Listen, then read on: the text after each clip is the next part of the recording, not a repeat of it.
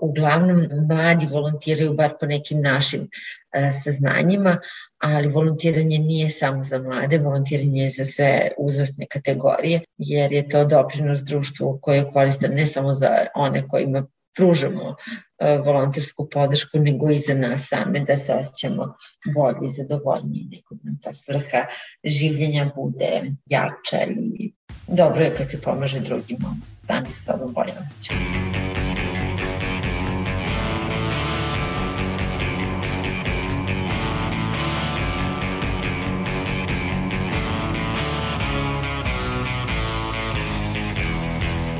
Početka pandemije susretali smo se sa raznim teškim stvarima. Nije bilo lako, ali smo ipak smogli snage da budemo solidarni i s vremena na vreme pomognemo najugroženijima. Slušate podcast Reagu i nezavisnog društva novinara Vojvodine. Ja sam Iva Gajić, a na ovoj epizodi radili su i Sanja Đorđević, Nemanja Stevanović, Sanja Kosović i Irena Čučković. U 75. epizodi podcasta Reaguj govorimo o dobročinstvu građana Srbije. Hajde da vidimo da li se nešto promenilo od početka pandemije i da li smo kao društvo solidarniji. Sanja, da li imaš neki primer dobre prakse? Naravno, Iva. Prošle godine su tokom vanrednog stanja Omladinski centar CK13 i Združeni krov nad glavom pokrenuli i kuhinju solidarnosti. U ovoj kuhinji volonterski tim dva puta nedeljno priprema zdrave, besplatne obroke za najugroženije. Član kolektiva kuhinja solidarnosti, Đorđe Majstorović, prepričava kako je pokrenuta ova akcija. Kuvamo dva puta nedeljno, utorkom i subotom. E, hrana se razvozi nakon toga distribuira na više različitih lokacija u gradu. Imamo negde između 70 i 80 korisnika trenutno, s tim što za neki njih se priprema i više obroka kojima je odjednom.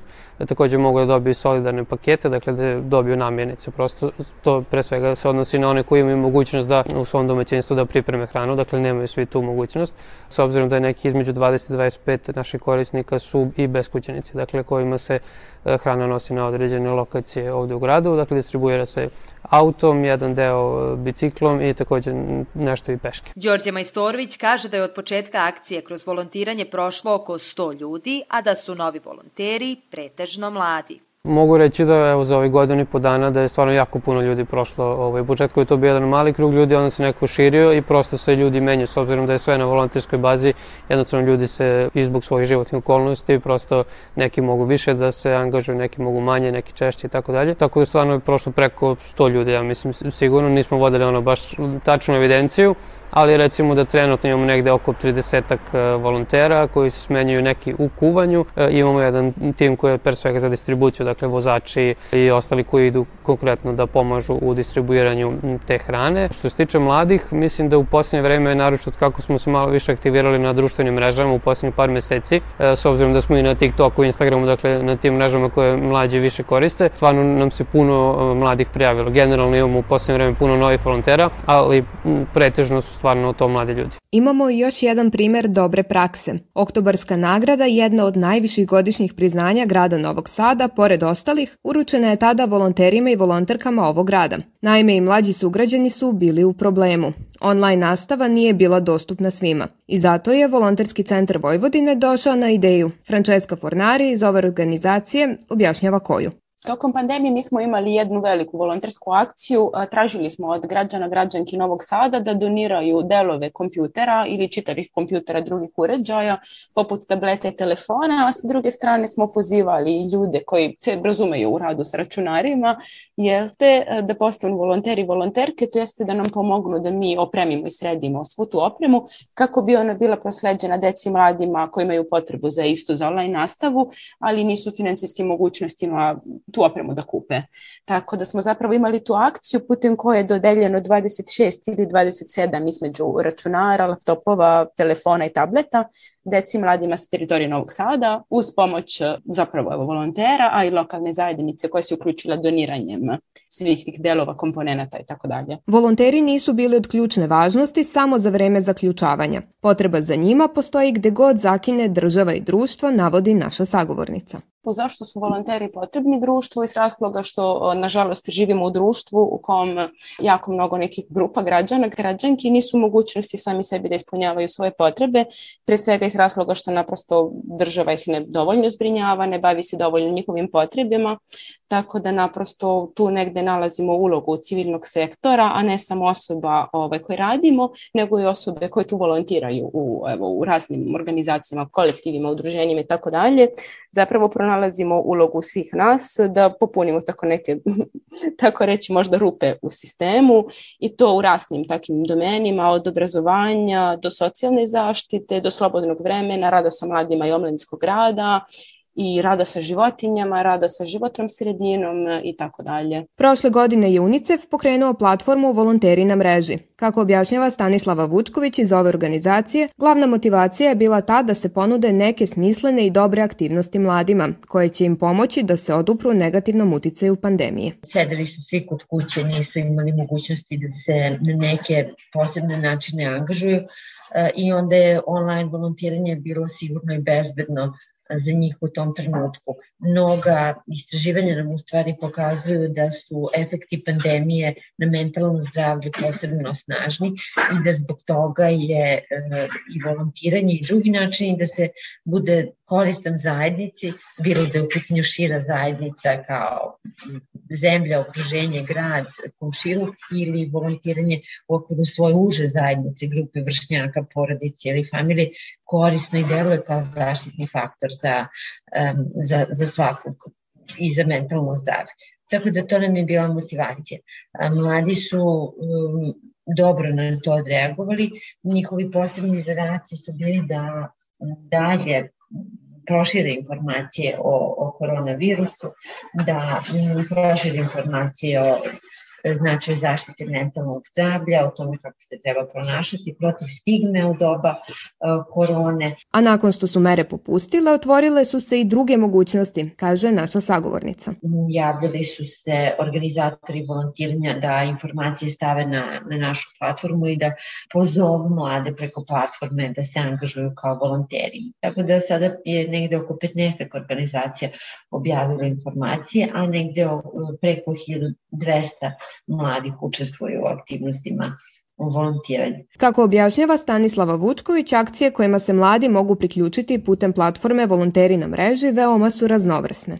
Od toga da se može volontirati u centrima u kojima su smešteni migranti, na primer, da, da se pomaže da se usvoji jezik naš, do toga da se samo prosledi informacije kroz e, svoje naloge, da se pomogne organizaciji nekih događaja, imali smo pre dve nedelje zanimljiv događaj e, kojim smo pokrenuli kampanju koja se zove iz mog ugla za zaštitu mentalnog zdravlja mladih, pa smo tu recimo imali e, volontere koji su, koji su bili aktivni.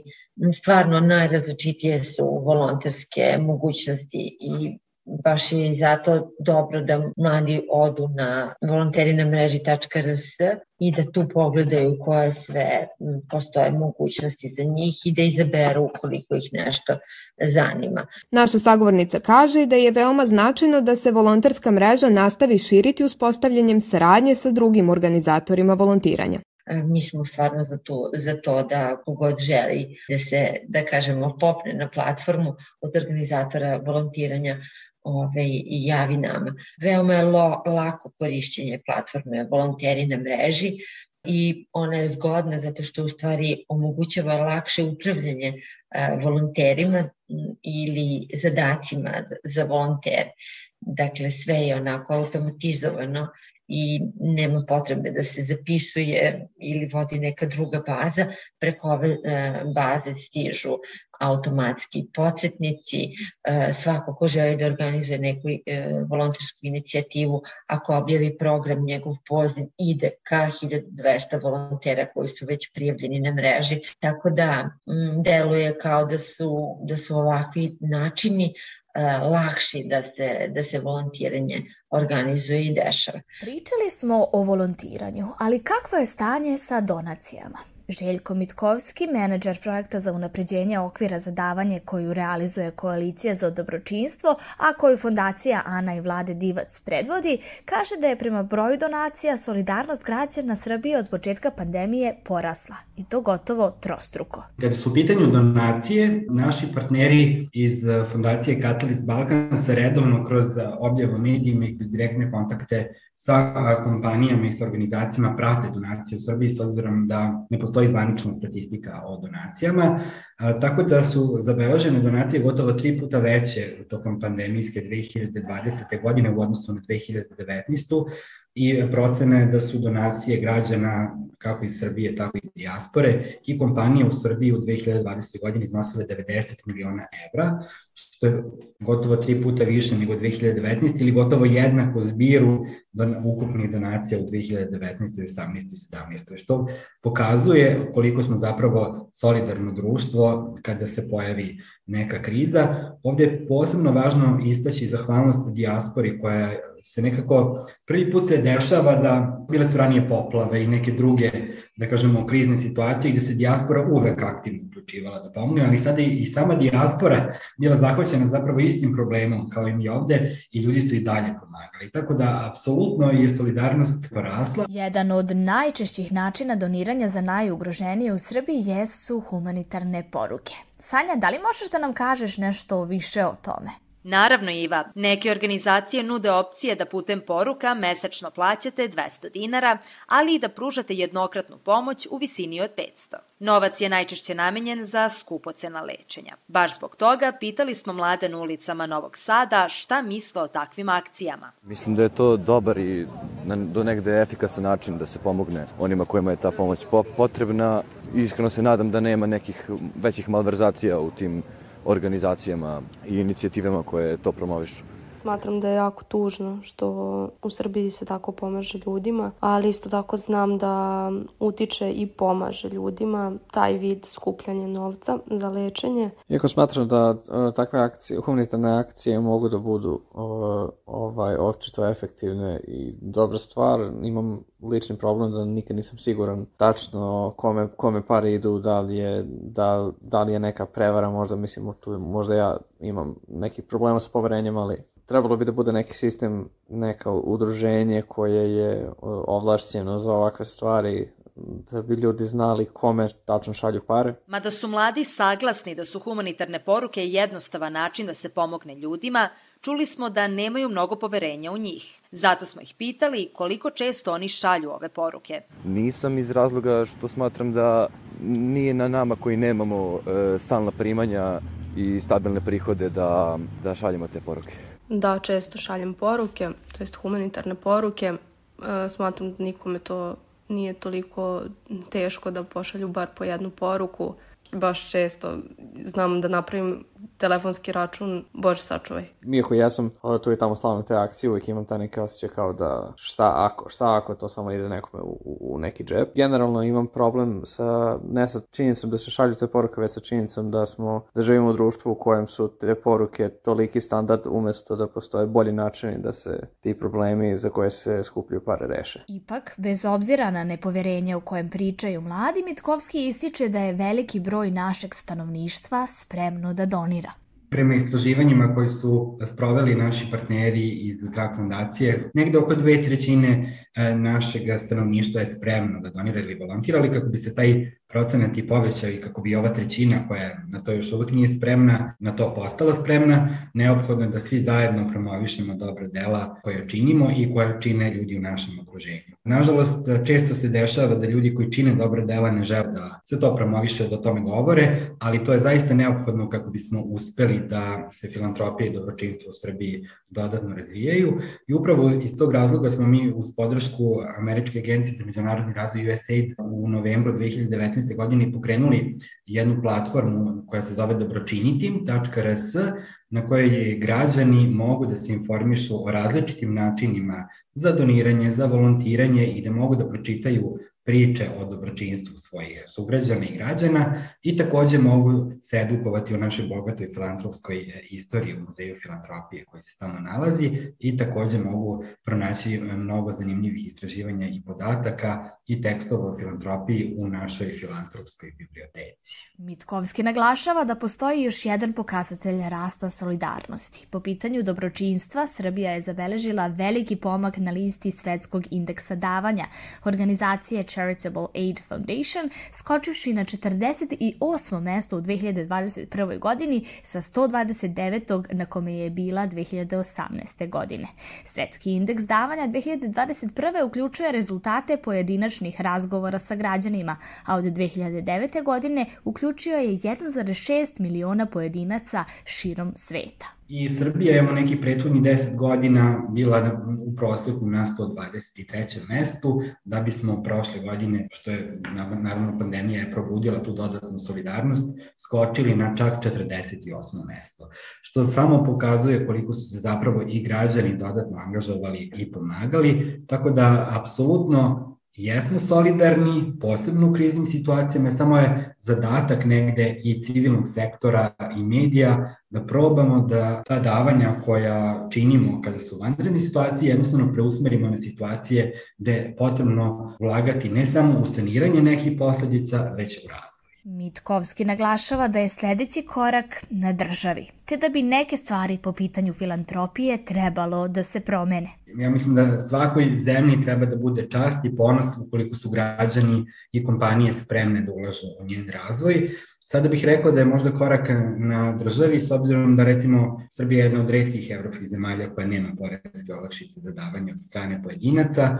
Kompanije imaju porezku olakšicu kroz e, zakon o porezu na dobit pravnih lica, koja se nažalost nedovoljno koristi, pa smo mi baš iz tog razloga kroz Savet za filantropiju uticali da se objavi uputstvo za ostvarivanje porezkih olakšica za donatore, e, koje važi i u vanrednim situacijama kada se daje kako Republici, tako autonomnoj pokrajini i lokalnoj samoupravi, tako da je to isto, da kažem, vrlo značajno da jednostavno i država prepozna značaj filantropije i da dodatno unapredi svoje, da kažemo, propise i posebno poreze kako bi stimulisala davanja, jer mi svi naravno plaćamo mnogo različitih poreza, ali nekada nemamo moć da kroz eh, te poreze koje platimo kažemo, hej, pa ovde je problem u ovoj školi, to treba da se reši. Nekada je, da kažemo, dobročino davanje preko neke organizacije mnogo brži način da se nešto, posebno u manjim sredinama, posebno u ruralnim sredinama,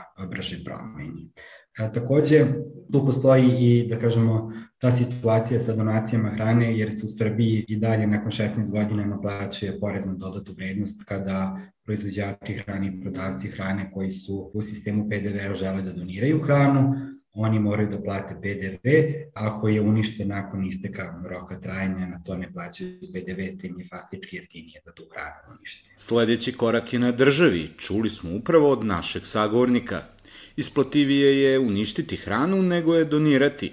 Prema poslednjem izveštaju Republičkog zavoda za statistiku povodom 17. oktobra Međunarodnog dana borbe protiv siromaštva, u 2020. godini u Srbiji nešto više od petine, odnosno 21,7% stanovnika naše zemlje bilo je u riziku od siromaštva – Ovaj procenat se smanjuje u odnosu na 2019. godinu, kada je prema proceni Zavoda za statistiku u riziku od siromaštva bilo 23,5% stanovnika Srbije.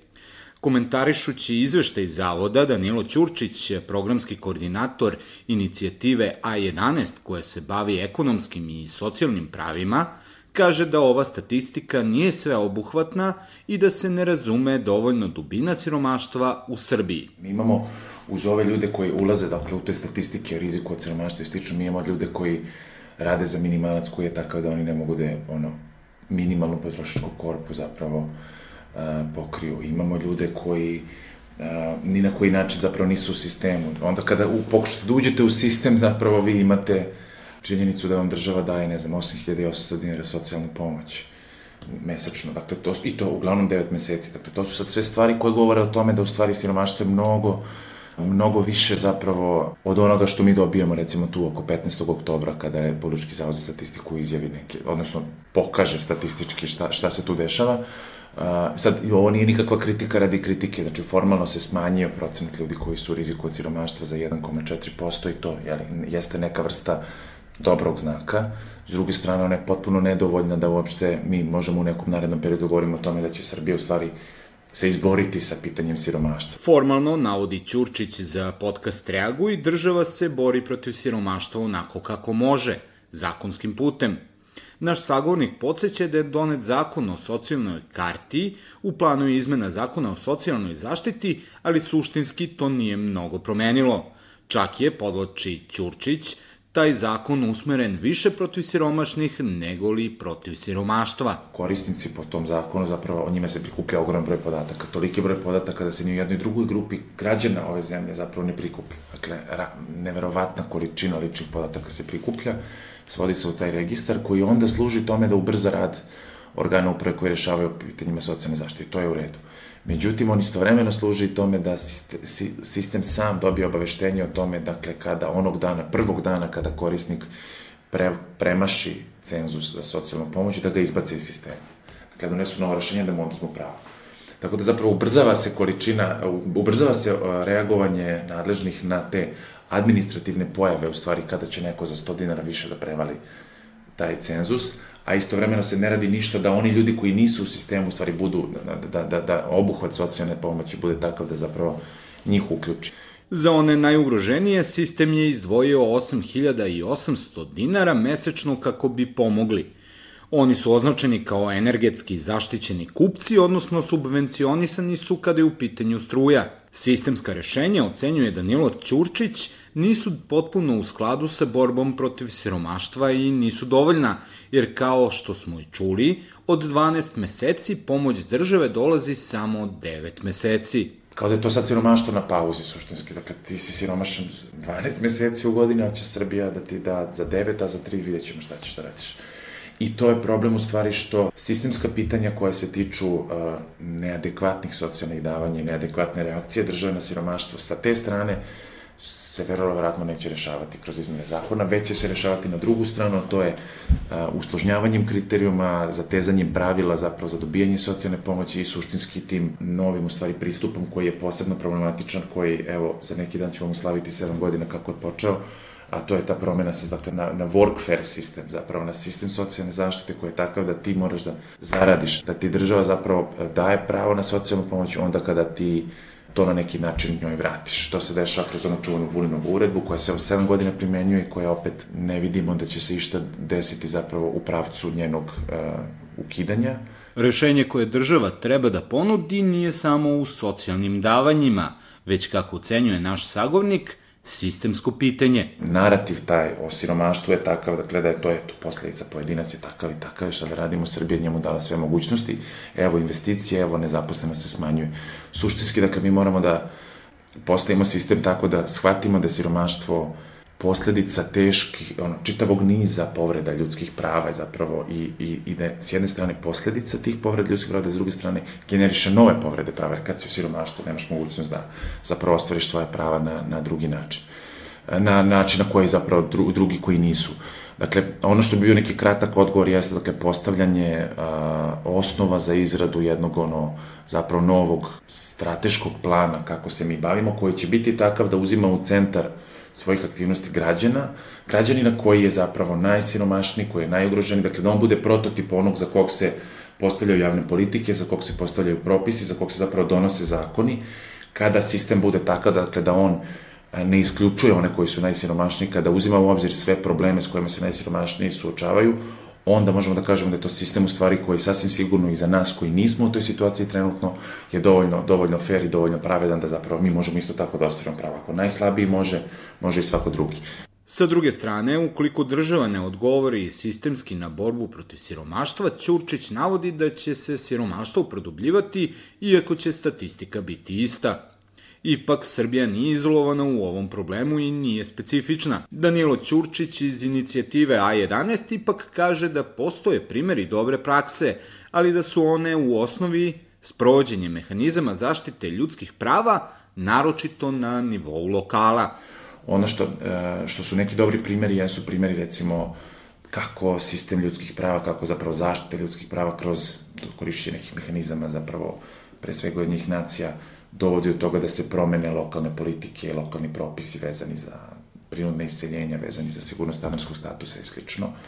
E, kako se zapravo kroz, ne znam, uzimanje u obzir to činjenice da recimo beskućnici jesu posebno ugroženi ono sa različitih ono iz različitih perspektiva zdravstveno egzistencijalno na svaki drugi način, dakle da se onda pitanje beskućništva ne rešava kako se kod nas rešava, staviš, staviš ga u prihvatilište i kažeš evo to je to, nego u suštini pravljenjem programa koji su takvi da se prvo pruži adekvatan stambeni smeštaj, pa da se onda oko tog adekvatnog i sigurnog stanovanja i priuštivog, gradi dalji program mera podrške, dakle, pronaženje zaposlenja, podizanje kapaciteta, dokvalifikacije, prekvalifikacije, slično, dakle, da se ljudi sami osnaže da mogu na kraju da se suštinski izbore sa siromaštvom u kom su se našli. Dok se stvari ne reše sistemski, postoje određene organizacije koje pomažu onima kojima je to najpotrebnije. Đorđe Majstorović napominje da Kuhinja solidarnosti nije humanitarna organizacija, te da postoji razlog zašto ova kuhinja nosi baš naziv kuhinja solidarnosti. Mi vidimo solidarnost kao jednu univerzalnu vrednost koju bi trebalo promovisati i na taj način je, to kažem, pretpostavljamo u odnosu na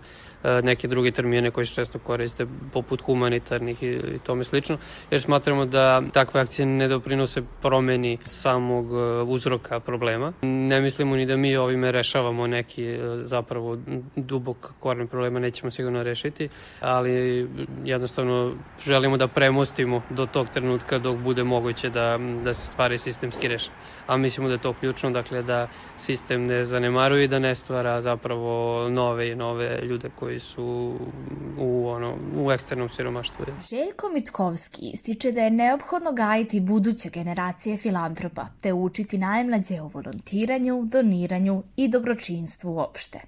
Ipak on kaže da su mediji od izuzetnog značaja za promovisanje filantropije. Mediji su ti koji mogu da utiču svakako na kreiranje javnog mnjenja, tako da, eto recimo, aktivno radimo sa medijima i pozivamo medije da uvek izveštavaju jasno i transparentno o dobročinstvu, da se dobročinstvo nađe i na prvim stranama, a ne samo negde u drugoj polovini dnevnih novina, nedeljnika i slično. Ponekad organizacije koje pružaju pomoć ugroženima budu prepoznate širom sveta. Baš to se desilo i nedavno. Na Evropski dan borbe protiv trgovine ljudima 18. oktobra 10 evropskih organizacija dobilo je nagradu Child 10 u Kraljevskom dvorcu u Štokholmu. Među ovim organizacijama je NVO Astra, nagrađena za svoj rad protiv trgovine ljudima, a posebno trgovine devojčicama u cilju seksualne eksploatacije. Nagradu je predstavnicama organizacije uručila kraljica Švedske Silvija. Hristina Piskulidis iz organizacije Astra navodi da je ova organizacija izuzetno značajna jer znači prepoznatljivost na svetskom nivou, ali i zbog umrežavanja sa drugim sličnim organizacijama. Ona je značajna iz drugog razloga. Mislim, mi jesmo članice različitih međunarodnih mreža koje se bave ovim problemom ili problemom nestanaka dece, ali je to umrežavanje, s obzirom to da je trgovina ljudima prosto problem koji se ne završava u okvirima jedne zemlje, povezivanje organizacije je zapravo mnogo bitno i koliko je bitno zbog te neke razmene iskustava, dobrih praksi, zajedničkog učenja u nekim praktičnim situacijama nestanaka osoba ili trgovine ljudima. Taj sistem međunarodnih e, organizacija povezanih kroz različite platforme ili udruženja, registrovana udruženja više organizacija, zapravo je vrlo koristan jer vam omogućava da ponekad delujete brže nego institucije sistema. Jer institucije sistema imaju određene protokole koji opet zahtevaju određeno vreme, a ukoliko imate organizaciju koja je na terenu tamo gde zapravo imate informaciju da je eventualno neka žrtva ili neka klijentkinja ili ukoliko je obrnuta situacija da je kod nas jel te neka žrtva iz inostranstva, onda mi možemo brže da reagujemo i što se tiče alarmiranja lokalnih institucija koje bi trebalo da reaguju reaguju u tim slučajevima, a i što se tiče neke konkretne akcije ukoliko je, na primer, osoba napustila ili uspela da izađe iz situacije trgovine ljudima, da joj se istog trenutka pruži podrška. Ovim završavamo 75. epizodu podcasta Reaguj nezavisnog društva novinara Vojvodine, u kojoj smo govorili o filantropiji u Srbiji. Pišite nam primere dobročinstva i solidarnosti i to u Facebook grupi Podcast Reaguj ili na mail podcast.ndnv.org. Slušamo se ponovo uskoro, a do tada ne zaboravite da čekamo na vas, vaše komentare, iskustva i predloge tema koje možete slati i na Twitteru i Instagramu gde se nalazimo pod imenom NDNV Media Hub ili na TikToku gde smo pod imenom Reaguj Podcast. Naš rad možete pratiti na kanalima na iTunesu, Stitcheru, Castboxu, Sounderu, Spotifyu, Google podcastima, Deezeru, kao i na sajtu podcast.rs. Ukoliko želite da nas podržite, uradite to baš šerovanjem, komentarom, deljenjem svoje priče ili preko sajta donations.ndnv.org.